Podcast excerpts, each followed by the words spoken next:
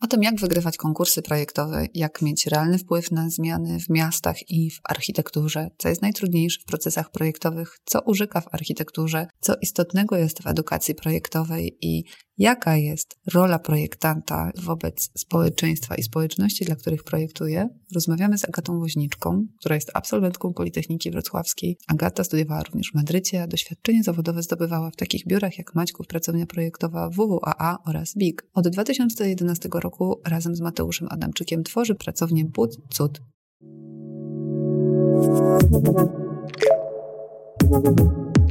Słuchasz podcastu z cyklu Mistrzowie, realizowanego w ramach strefy designu Uniwersytetu SWPS. Więcej materiałów dotyczących projektowania znajdziesz na design.swps.pl oraz w kanałach multimedialnych naszego projektu na YouTube i Spotify. Zapraszamy!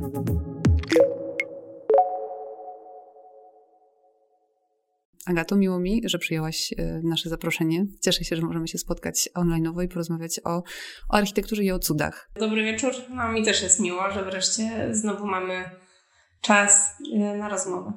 O to, dlaczego nazywacie się Budcud, zapytam, zapytam w dalszej części naszej rozmowy. Na pewno, wydaje mi się to dosyć istotne, e, ale przygotowując się do dzisiejszego spotkania, przeczytałam takie zdanie w jednym e, z wywiadów, którego udzieliłaś e, w magazynie Architektura i Biznes.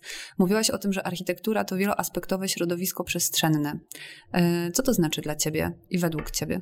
Ta moja definicja sugeruje to, że architektura to nie tylko tylko e, forma, albo funkcja, albo konstrukcja, ale to są te trzy e, składowe, o których często się mówi w definicjach architektury, wzbogacone e, o kolejne inne aspekty, które jako projektanci powinniśmy brać pod uwagę, definiując przestrzenie do życia. Powinniśmy myśleć o tym, o tych historiach, które będą się w tej architekturze i wokół architektury rozgrywały, E, o intuicyjności mm, użytkowania tej przestrzeni, o pewnych choreografiach, które e, zarówno my jako architekci współprojektujemy, jak i mm, użytkownicy e, będą sami projektować. Więc to moje rozumienie architektury jako wieloaspektowego środowiska przestrzennego E, ma zwracać uwagę na narracyjność e, projektowanych e, przez nas obiektów, ale też na tą wielość poziomów, które powinniśmy brać pod uwagę projektując. Czyli oprócz takich twardych elementów jak sama forma, także kontekst i nie chodzi mi tu tylko i wyłącznie na przykład o kontekst e, przestrzenny, geograficzny, warunki oświetlenia i tak dalej, ale też o, o kontekst kulturowy. To jest niezwykle interesujące i to wybija też e, w Twoich, Waszych projektach, tych, które wygrywają mm, mm, konkursy, o czym też za chwilę, ale e, w tym wieloaspektowym środowisku przestrzennym ciekawi mnie to, czy ty, ty, czy ty jako architektka czujesz, że masz realny wpływ na otaczające cię środowisko, na to, jak wyglądają miasta, miejsca, jak zachowują się ludzie. Mówisz e, o choreografiach, co bardzo uwzniaśla architekturę w tym sensie, że architektura zawsze kojarzy się z taką ciężką materią, jednak taką substancją trwałą, a choreografia jest czymś bardzo lekkim, bardzo ulotnym, ale jednocześnie, gdy zestawić te dwa, mm, te dwie materie, właśnie stałą i taką ulotną, jest to projektowanie jednak pewnego sposobu poruszania się ludzi, ich interakcji, korzystania z pewnych miejsc. W takim razie architektura byłaby nie tyle zaprojektowaniem bryły, ale interakcji międzyludzkich. Czy ty jako projektantka e, czynna zawodowo, aktywna również e, w, akademii jesteś przekonana o tym, że masz wpływ? To w ogóle bardzo mi się podobało e, to, co teraz powiedziałaś, też o wartości mm, takiej tymczasowej architektury, czy tej tymczasowej, czy tych tymczasowych konstrukcji, które użytkownicy sami tworzą w przestrzeni. I wydaje mi się, że to jest jedno e, takie z najważniejszych moich, e, jedna z takich moich najważniejszych definicji e, tego, czym jest e, projektowanie dla mnie. I e, ja może mm, tak tylko wtrącę, że kiedyś, e, zanim poszłam na studia, rozumiałam architekturę właśnie bardziej jako takie twarde budynki, E, ale już na pierwszym roku nasi prowadzący zaczęli nam pokazywać obiekty tymczasowe, instalacje i tłumaczyć że architekturę nie musimy budować na te tysiące lat. I to właśnie zdefiniowało moje podejście. I też dzięki niemu wydaje mi się, że nawet mimo tego, że nie buduję jeszcze budynków, które mają szansę przez wiele, wiele lat mieć wpływ na przestrzeń miasta, to jednak jako projektantka czuję, że mam wpływ na kształtowanie przestrzeni w mieście, ale też zachowań ludzi. I wydaje mi się, że każdy architekt, każdy projektant powinien o tym pamiętać, że my mamy ogromny wpływ na to, e, jak ludzie z przestrzeni korzystają, czy się czują e, nią onieśmieleni, czy z chęcią z niej korzystają. Właściwie jakie podejście powinno być bliższe czasom, w których e, żyjemy. Czy, czy wciąż powinno być tak, że nie wolno deptać trawników, czy raczej, że to są trawniki do polegiwania na nich i odpoczywania. Więc e, architekci na pewno powinni o tym pamiętać, że mają olbrzymi e, wpływ na to, jak ludzie korzystają z przestrzeni i nie powinni się bać e, zmieniać tych różnych przyzwyczajeń.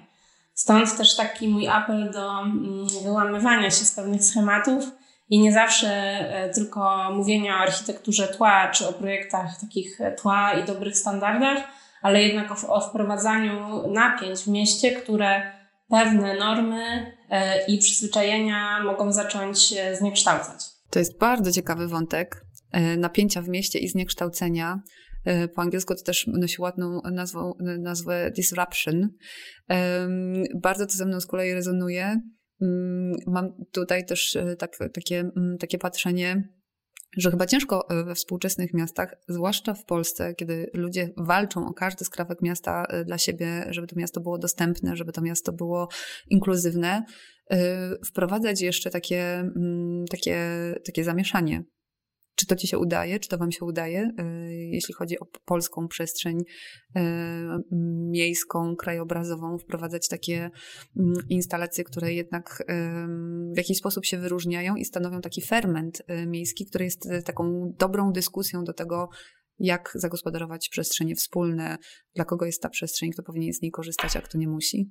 No, my zawsze staramy się projektować z takimi ambicjami, jak mówisz, które komplementują e, przestrzeń, e, zostaną e, i na przykład urozmaicają program. I na przykład pracując nad aranżacją Festiwalu Kultury Żydowskiej w Krakowie, na jubileuszową 25. edycję, której hasłem przewodnim był kwartał, zaprojektowaliśmy pawilon e, festiwalowy w formie takiej mikrourbanistyki, e, która była też naszym komentarzem do tego, że e, Kazimierz został zawłaszczony przez funkcje mm, komercyjne i parkingi i tak na dobrą sprawę nie ma tej przestrzeni publicznej, która kiedyś była mm, tak na dobrą sprawę wyróżnikiem, czy też definiowała dzielnice, lokalne społeczności, E, a teraz właśnie, żeby skorzystać z tej przestrzeni publicznej, to musimy albo tam coś kupić,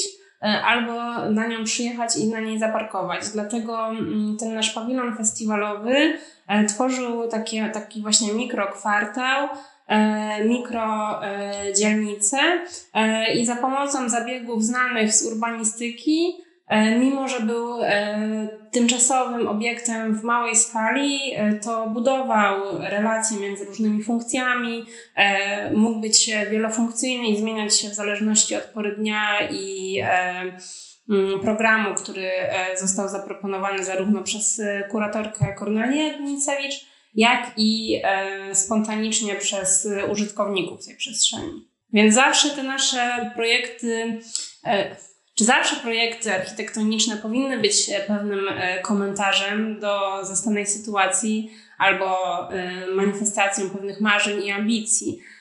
Więc jeśli te ambicje mówią o na przykład o uspokojeniu chaosu przestrzennego, czy też wprowadzeniu takiego miejsca wytchnienia, no to wtedy ta architektura czy ta forma interwencji jest inna.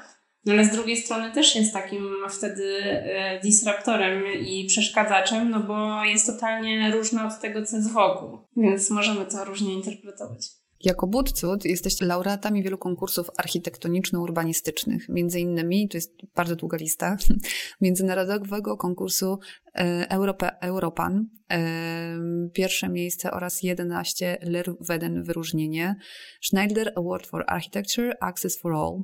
Jesteście zdobywcami pierwszego miejsca w konkursie urbanistycznym na strategię rewitalizacji zbiornika Woronesz w Rosji i jesteście wyróżnieni w konkursie chińskiego Expo Ogrodowego w Wuhan. A ostatnio wygraliście konkurs Langdud 2050. Jest to koncepcja rewitalizacja miejsc, rewitalizacji miejscowości Urleben w Turyngii, a wasz projekt nazywał się y, New Vernacular.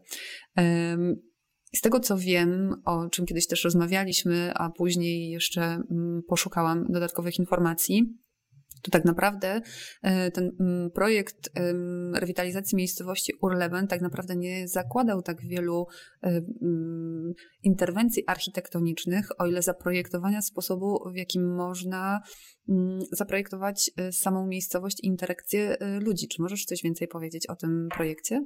Dla Urleben projektowaliśmy, tak jak mówisz, nie tyle architekturę, ale całą tą wielowątkową e, strategię, e, która miała przekształcić miasteczko, z którego odpływają ludzie do pracy w większych ośrodkach, ale też miasteczko, którego struktura demograficzna drastycznie się zmienia, zostają w nim tylko i wyłącznie starsze osoby, które nie mają już siły mm, ani też ochoty chyba zajmować się swoimi wielkimi gospodarstwami, bo to jest takie typowe miasteczko e, niemieckie w obszarach rolniczych, gdzie mm, każde domostwo to było takie jedno duże gospodarstwo, jakby firma, która zajmowała się uprawą roli i e, sprzedażą e, plonów.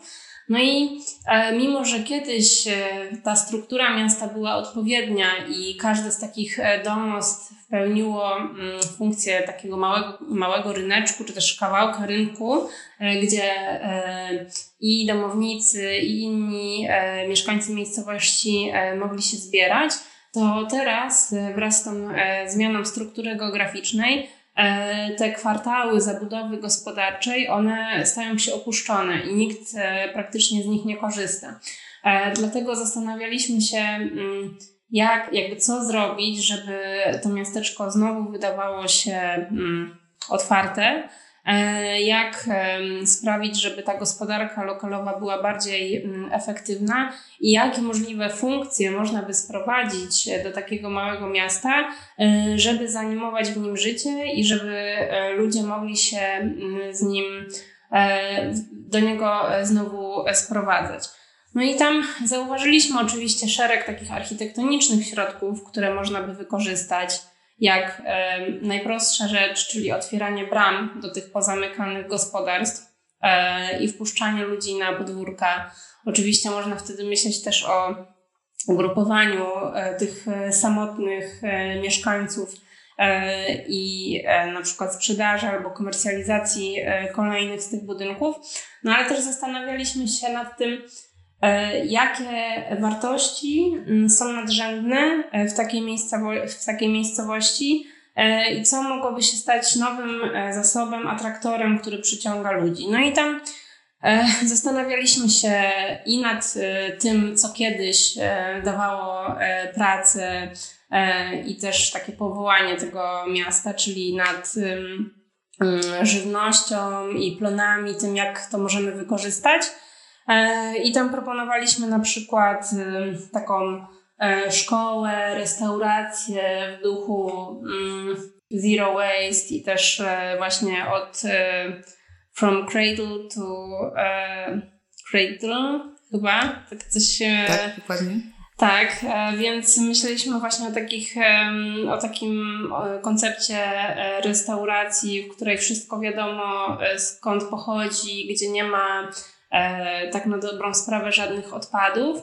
E, I też e, myśleliśmy o tym, jak plony, takie, które postrzegamy typowo konsumpcyjnie, mogą stać mm, też materiałami konstrukcyjnymi, budulcem architektury. I proponowaliśmy tam takie eksperymentarium naturalnego budownictwa, które mogłoby rozwijać te technologie naturalnego budowania, ale też stanowić pewien showroom dla ludzi, którzy na przykład chcieliby zobaczyć, jak to jest mieszkać w takiej architekturze, a nie są do końca przekonani, czy to jest coś odpowiedniego dla nich, albo czy to jest trwałe, bo wydaje mi się, że często ludzie też e, patrzą tak na nowe rozwiązania, że one może nie do końca jeszcze działają, a tam mieliby okazję się o tym przekonać. E, no i właśnie szereg takich strategii, w których łączyliśmy architekturę, też taką strukturę organizacyjną i pewną liniowość, czy też takie scenariusze działania, pozwoliły nam zbudować e, taką spekulatywną wizję przyszłości miasteczka Urleben, e, które wykorzystuje mm, te wyzwania, które teraz przed, nią, przed nim stoją i stwarza z tego zupełnie nową jakość. Czy ta wizja spekulatywna w jakikolwiek sposób będzie realizowana przez włodarzy miasta Urleben? Czekamy teraz na pewne decyzje. Niestety właśnie ten konkurs, który był super, świetnym wyzwaniem dla nas e, projektowym i e, nad którym pracowaliśmy też e, z architektami z Niemiec, właśnie z projektantką, która zajmuje się, czy jest menadżerką właśnie takich projektów ekologicznych oraz architektem krajobrazu. No, wiemy, że jest duże zainteresowanie w mieście tymi naszymi pomysłami, no ale niestety trafiliśmy na te mm, na czas pandemii, gdzie do e, tych takich twardych, czy już zaobserwowanych problemów doszła kolejna e, niewiadoma. Więc teraz e, czekamy i jesteśmy w gotowości, żeby dalej działać do działania ekstra. E, ta lista konkursów, które wygrywacie, e, jest e, długa. Jak to się robi, że wygrywa się te konkursy i, i co wam to robi jako studio, projekt, jako studio projektowemu? Czy to oznacza, że wy wyspecjalizowaliście się w konkursach i w tym, jak wygrywać konkursy? czy, raczej, czy raczej przenosicie doświadczenia praktyczne, chociaż tutaj łapię się za język, bo, bo praktycznie też trzeba umieć wygrywać konkursy konkursy i to nie, oznacza, że jest się przez coś ograniczonym, ale jak to jest, że udaje Wam się wygrywać te konkursy? Mm, to tylko chciałabym zaznaczyć, że my bierzemy udział w konkursach, które są zazwyczaj e, konkursami urbanistycznymi. E, mamy w Polsce innych asów, e, którzy wygrywają e, konkursy takie realizacyjne na budynki. Jest kilka pracowni, które w ten sposób zaczęło działać i wciąż tak działa i się rozkręciło i, i są świetnymi przykładami, jak właśnie wygrywać na konkursy architektoniczne. A te nasze strategie, wydaje mi się, że kluczem do mm, bycia zauważonym przez jury takiego konkursu urbanistycznego e, jest właśnie takie wieloaspektowe e, myślenie e, o obszarze opracowania. I możemy to robić sami, możemy sobie też dobrać odpowiedni zespół złożony z różnych specjalistów, na przykład socjologów, architektów krajobrazu, może też właśnie jakichś ekonomistów albo osób, osób które mm, lubią właśnie wymyślać takich, no nie wiem, wynalazców społecznych, którzy lubią e, wymyślać nowe funkcje, czy też e, nowe biznesy, które w danym miejscu by zadziałały. Więc wydaje mi się, że e, takie wieloaspektowe podejście zawsze mm, jest na plus i ono dobrze działa. I tutaj może, no nie wiem, nie zdradzę jakiejś wielkiej tajemnicy, ale dla mnie bardzo ważne jest też projektowanie mm, tej osi czasu. Czyli nie tylko i wyłącznie projektowanie czy przedstawianie projektu już w tej fazie ostatecznej, gotowej tam właśnie w 2050 roku, ale zaprezentowanie e, kroków, które możemy podjąć już teraz, po to, żeby dojść do tej wizji. I oczywiście ta wizja może się zmieniać w międzyczasie, ale chodzi o ustawienie pewnego pewnych takich e, ram programowych, czy też takich ram strategicznych, e, które możemy no, zmieniać, jeśli na przykład coś e, nie wyjdzie w międzyczasie albo się okaże nieadekwatne, ale chodzi o to, żeby nigdy nie prezentować, moim zdaniem przynajmniej, projektu tylko i wyłącznie w tej ostatecznej fazie, już jako takiego obiektu do cmokania nad nim, tylko żeby pokazać te kroki, którymi możemy dojść do realizacji mm, takich jego najważniejszych ambicji. Widocznie ta strategia się sprawdza. E, widać to w, w, w, laurach, jakie e, zbieracie. Mówisz dużo tutaj o aktualności i e, o aktualizacji um, takich strategii, żeby one um, nigdy nie były właśnie taką formą zamkniętą. I mamy tutaj pytanie od naszego widza dotyczące tego, jaki waszym zdaniem modernizm ma termin ważności? Czy architektura z 2000 roku jest modernistyczna? A ja dodam, czy jest wciąż aktualna? I czy jest taka architektura, która jest wciąż aktualna? To odpowiem dyplomatycznie, że dobra architektura każdego stylu zawsze będzie aktualna. I e, wydaje mi się, że e, powinniśmy mm, nauczyć się doceniać, e, tak jak się teraz uczymy na postmodernizmie, doceniać tych manifestacji formalnych różnych czasów i starać się e, waloryzować te obiekty, które napotykamy na swojej drodze i mimo, że na przykład one formalnie nie są tym, co nam się do końca podoba, to powinniśmy też patrzeć na to, jakby czym one były w danym czasie. Możemy patrzeć też na funkcję, czy ona działa. Możemy też patrzeć na sylwetę urbanistyczną i jak e, taki budynek działa w kontekście.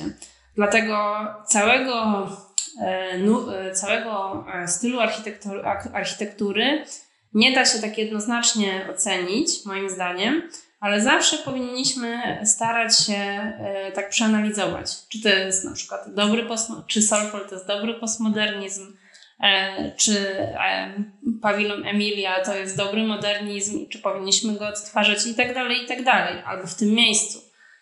Więc to są różne dylematy, które no musimy obserwować, analizować i starać się waloryzować. Myślę, że ta kwestia waloryzacji e, jest czymś ogromnie ciekawym, e, bo to wszystko, o czym mówisz, i biorąc to za dobrą monetę, czyli badając kontekst, sprawdzać, czy ta funkcja jest nadal aktualna, czy ten e, obiekt ma jakiś kontekst kulturowy, mm, to wszystko jednak składa się na pewne dziedzictwo kulturowe, materialne, które niesiemy ze sobą w przyszłe pokolenia i pewnie gdyby komuś nie podobały się sukiennice, to, to mógłby pomyśleć, że nie warto zaśmiecać takiego pięknego placu jakimś budynkiem na środku i można by go było um, zburzyć. Bardzo rezonuje ze mną to, co powiedziałaś, że każda architektura um, która jest, y, każda architektura może być aktualna. To jest też y, bardzo, bardzo istotne. Wspominałeś też, też wcześniej o tej ulotności architektury, właściwie bardziej formy, że mm, to, mm, to, z czym wyszłaś na studia, czyli z tym przeświadczeniem, że jakby architektura to są tylko i wyłącznie te formy stałe i duże, a obserwując też Wasz rozwój, Waszą pracę jako studia architektonicznego, widać, że też fascynuje Was bardzo forma wystawiennicza. Współtworzycie koncepcję wystaw, sami e, realizujecie wystawę zarówno jako kuratorzy, jako autorzy e, aranżacji.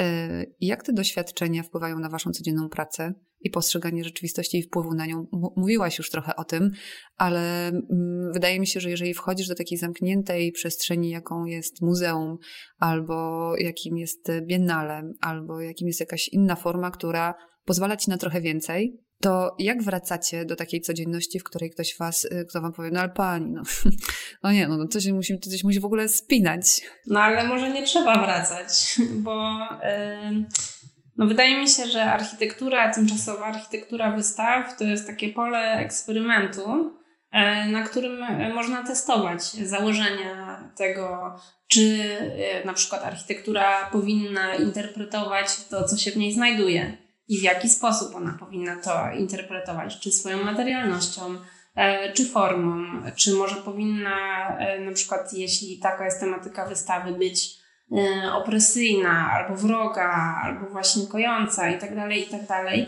Więc poprzez architekturę tymczasową łatwo jest eksperymentować i testować pewne założenia, które się ma na temat mm, takiej własnej metodologii projektowej którą później można skalować. Jeśli już się stawia ten budynek z cegły e, czy z betonu, no to wtedy, e, jeśli na przykład pewne założenie e, się sprawdziło, no to może warto je przeinterpretować i powtórzyć w pewien sposób. a jeśli nie, no to może warto szukać innego rozwiązania. No my bardzo lubimy projektować obiekty tymczasowe i aranżacje wystaw, z tego względu, że kuratorzy czy też ich organizatorzy mają taką dosyć dużą e, wolność i fantazję właśnie w tym eksperymentowaniu. I mm, to jest coś fajnego, co popycha też dyscyplinę do przodu, właśnie ta taka otwartość głowy. I bardzo się cieszymy, że zgłaszają się do nas różne instytucje czy organizacje, z którymi razem możemy e, budować narracje przestrzenne. No nawet jeśli one są tymczasowe, to trudno i też e, to doświadczenie projektowania mm, właśnie wystaw, czy też e, tych e, instalacji festiwalowych, takie nazwijmy, jeśli one się udają, no to utwierdza nas w tym, że robimy coś dobrze i może warto poczekać na odpowiedniego klienta z czymś takim stałym i zbudować coś no nie, nie chodzi mi nawet, że bez kompromisów, ale w takim partnerskim dialogu, a nie przepychając się i e, na przykład później wyrzucając sobie, że się coś źle zrobiło. Jasne, właśnie tutaj kolejne moje, moje pytanie było, jak, jak to się ma do projektów komercyjnych właśnie i tutaj już powiedziałaś, że, że warto poczekać na takiego klienta, który zrobi to z Wami w partnerstwie i w dialogu, ale zapytam, czy tacy klienci się zdarzają w Polsce, którzy patrząc na to, co robicie w architekturze tymczasowej, przychodzą i mówią: Słuchajcie, zaprojektujcie mi dom. No, tacy klienci się zdarzają. E, I się zdarzają e, właśnie mm, nie tylko korporacyjni, ale też prywatni, którzy doceniają nasze podejście.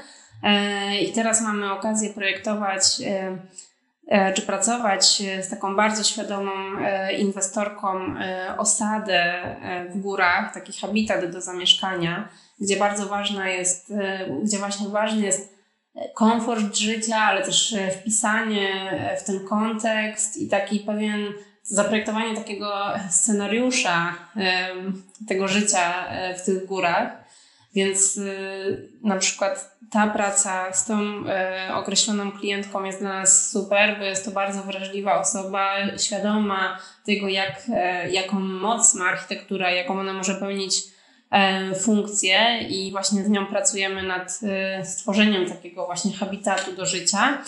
Y, a jeśli chodzi o klientów komercyjnych, którzy mm, ufają nam i pozwalają E, testować te swoje różne pomysły, no to e, na początku tego roku, przez, przez pół roku praktycznie, pracowaliśmy z e, Netflixem i organizacjami połączonymi właśnie z nim nad placem zabaw, który był reklamą animacji Kajko Kokosz, ale też taką intuicyjną przestrzenią do zabawy, która miała e, pobudzać wyobraźnię dzieci, być też e, taką nową typologią e, właśnie placu zabaw w naszym kraju. I to było świetne doświadczenie, nad którym pracowaliśmy razem z artystką Izą Rutkowską i z klientem, który wymagał od nas, od nas bardzo dużo, ale też pozwalał nam na bardzo dużo. Więc to było super. Z Izą Rodkowską rozmawiałyśmy tutaj o tym właśnie też e,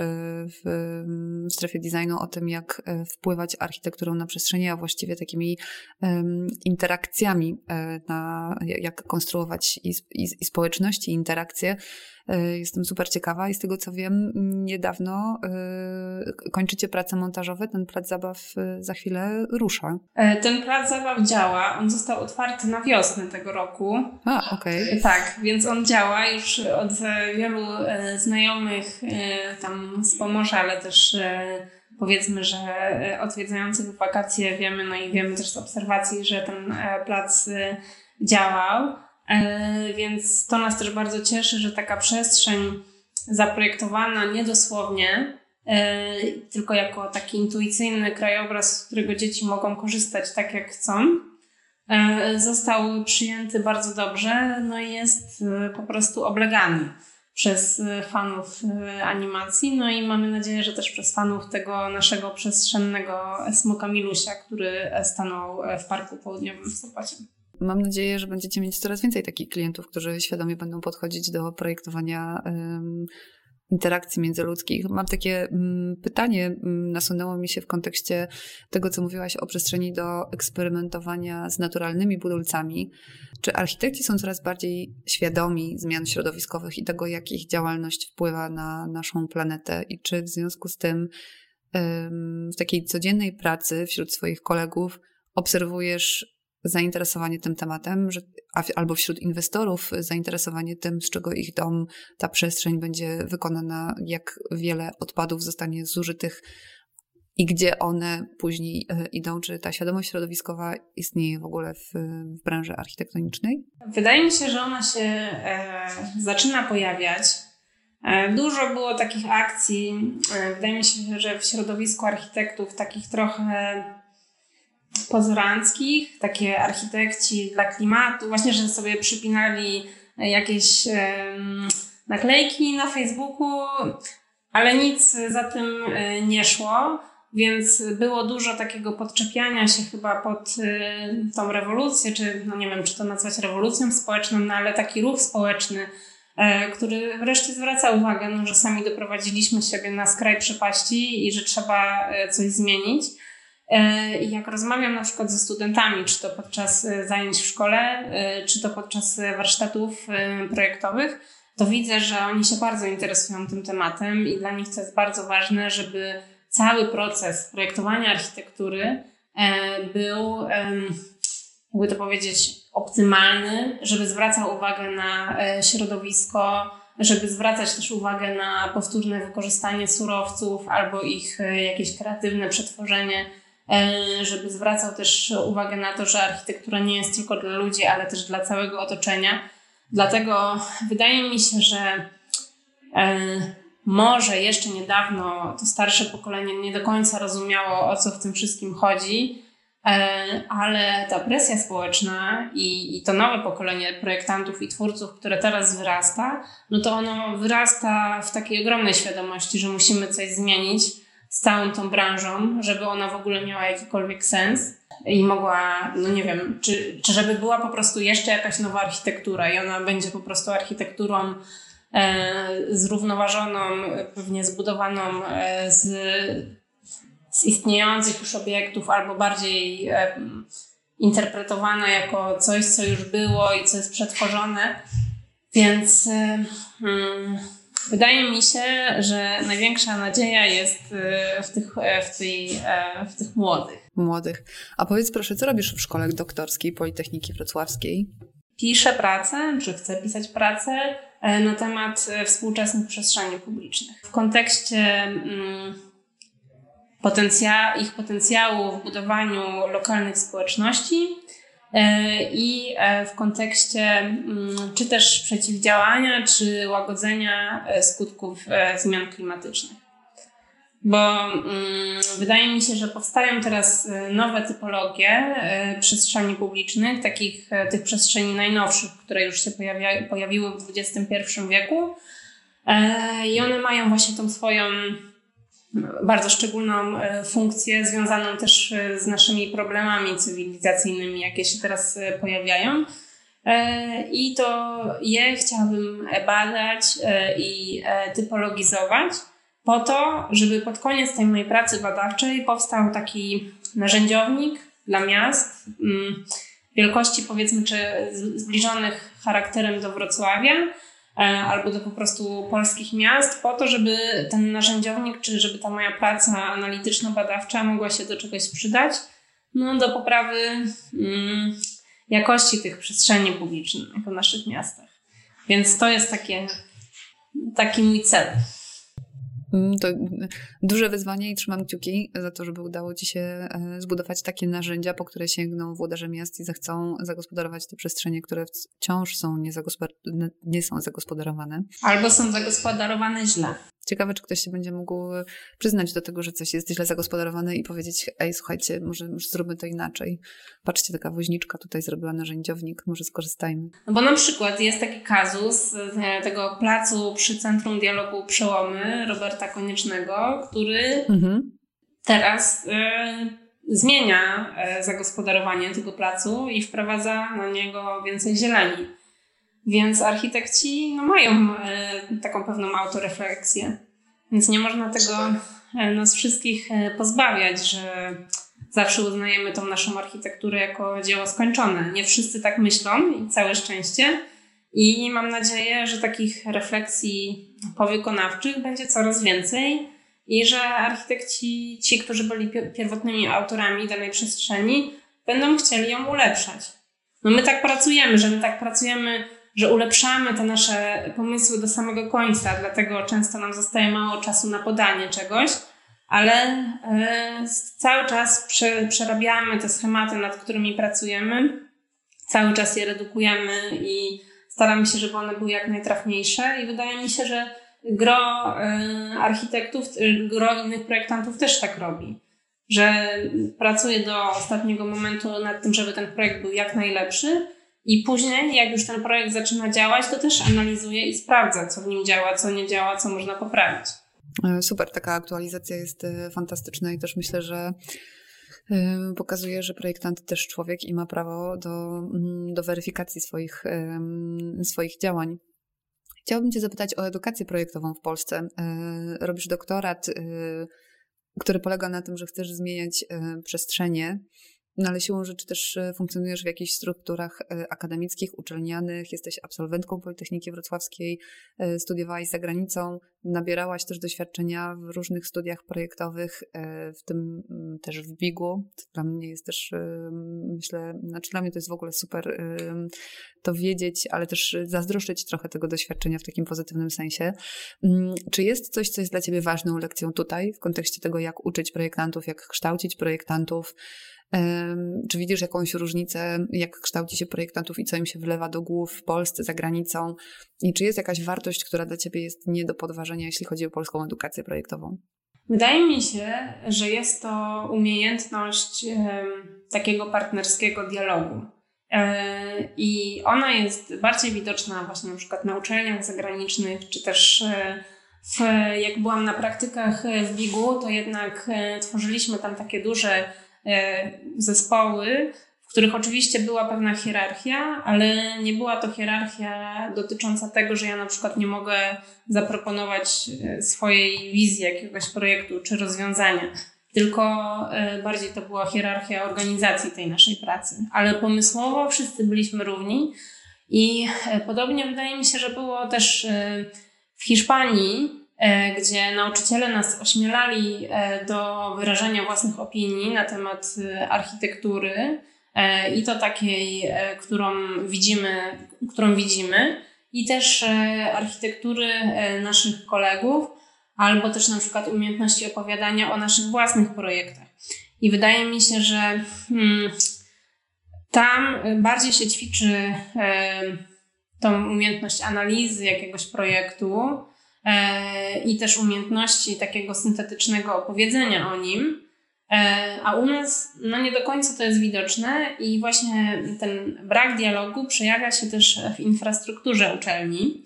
E, I tutaj na przykład chodzi mi o to, że nie, nie wydaje mi się, żeby się promowało na przykład pracę w grupie albo taką intensywną pracę na uczelni. Czyli na przykład jak ja studiowałam w Madrycie, tam ta szkoła była otwarta 24 godziny na dobę. Biblioteka miała dostęp e, wolny do półek, gdzie ja nawet nie znając, no nie wiem, na przykład nie, nie wiem, nie znając jakiejś publikacji, czy to był El Croquis, czy jakaś super gazeta z Japonii, mogłam pod nią przypadkiem sięgnąć, spacerując sobie między tymi półkami, a tutaj to jest jednak obwarowany groźnymi paniami czasem, które nam mogą, jeśli nam doradzą, to na przykład dadzą nam tą samą książkę co wszystkim innym, bo mają jedną pozycję jakoś wypracowaną.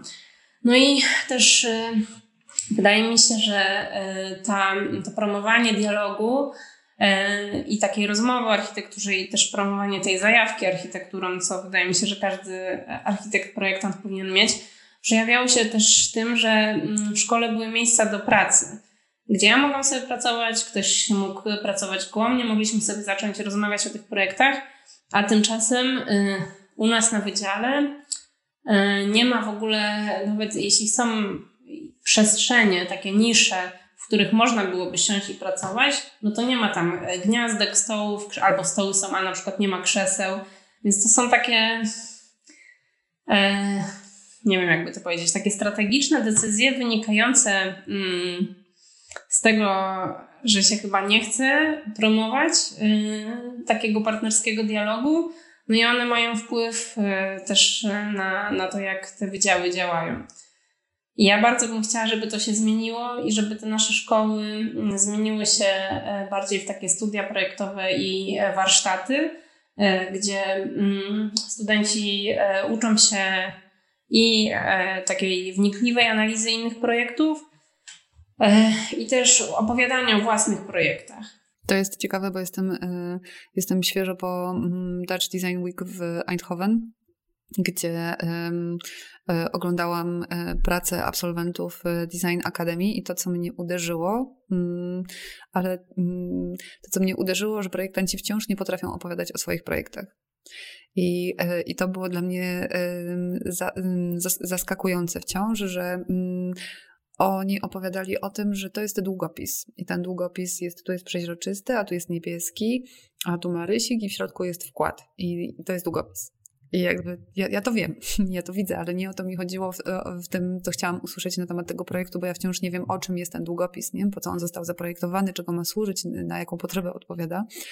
I to wydaje mi się, że y, jest wspólne dla wielu studentów i fajnie byłoby, gdyby byście wy Państwo, mówię do Ciebie też jako wykładowca, uczyli tego swoich studentów, żeby wiedzieli, jak opowiadać o swoich projektach. Jeszcze chciałam Cię zapytać o tym, e, o to, co urzeka Cię we współczesnej architekturze, e, a czego Ci brakuje? Nie urzeka w współczesnej architekturze. Mm, no właśnie te różne życia, które sobie mogę wyobrazić, e, oglądając je albo będąc w ich środku.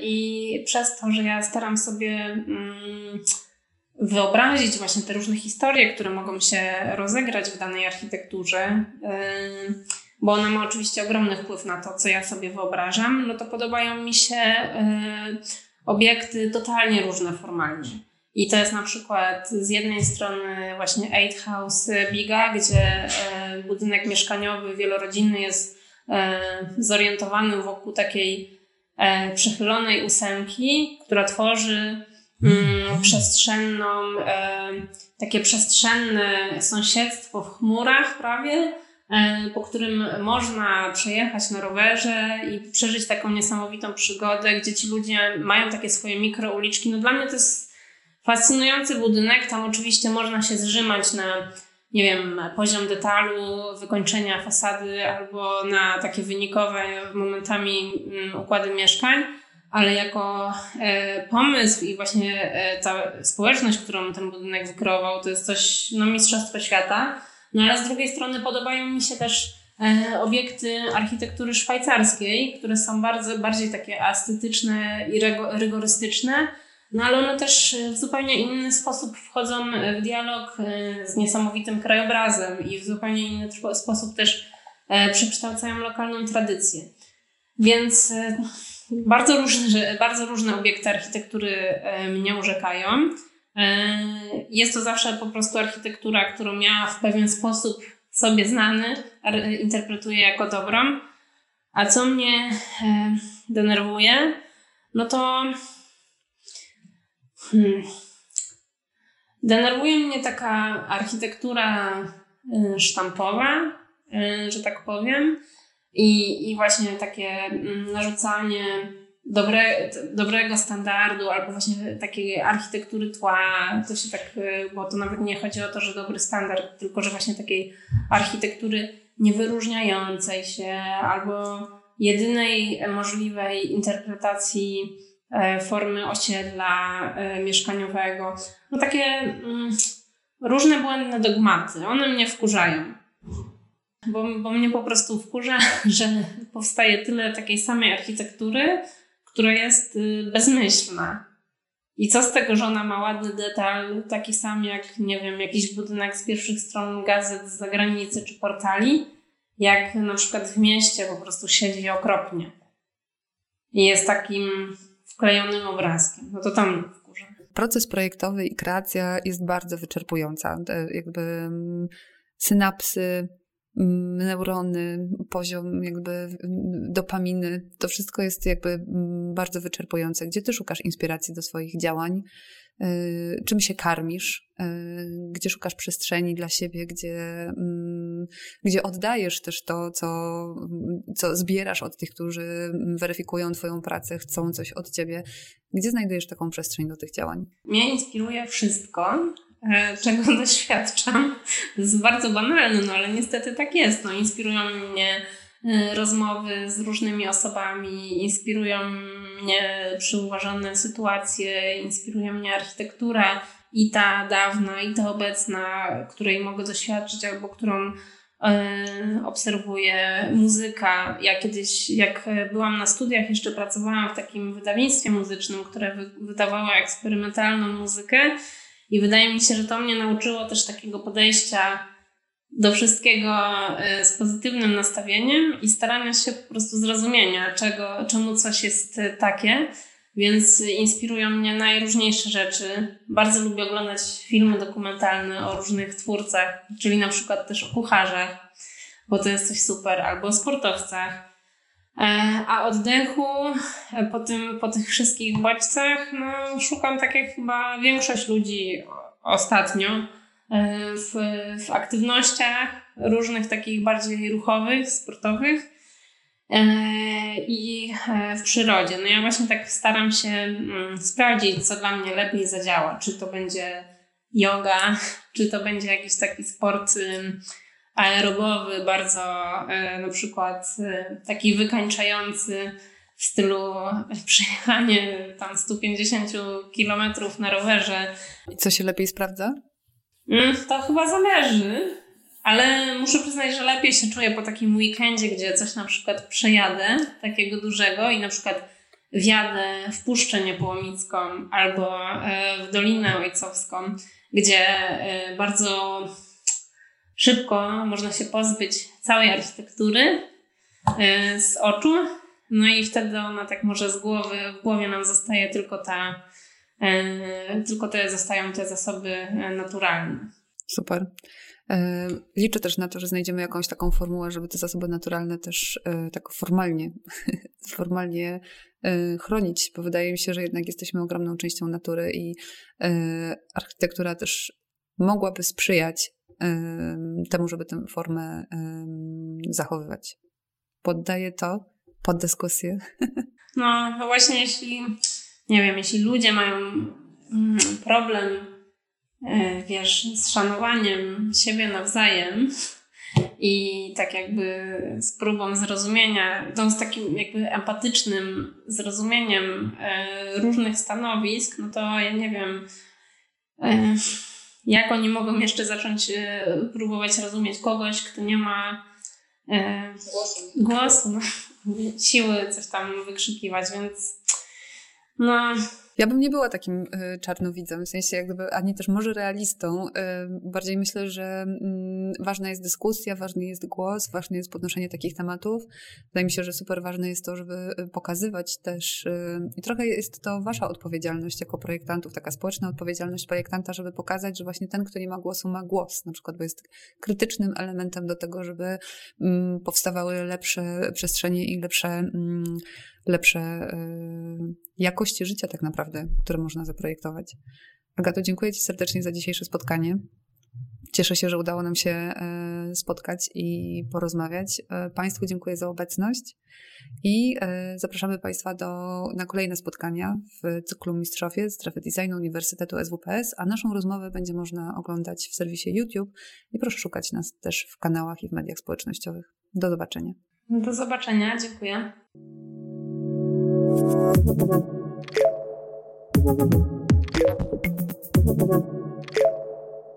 you.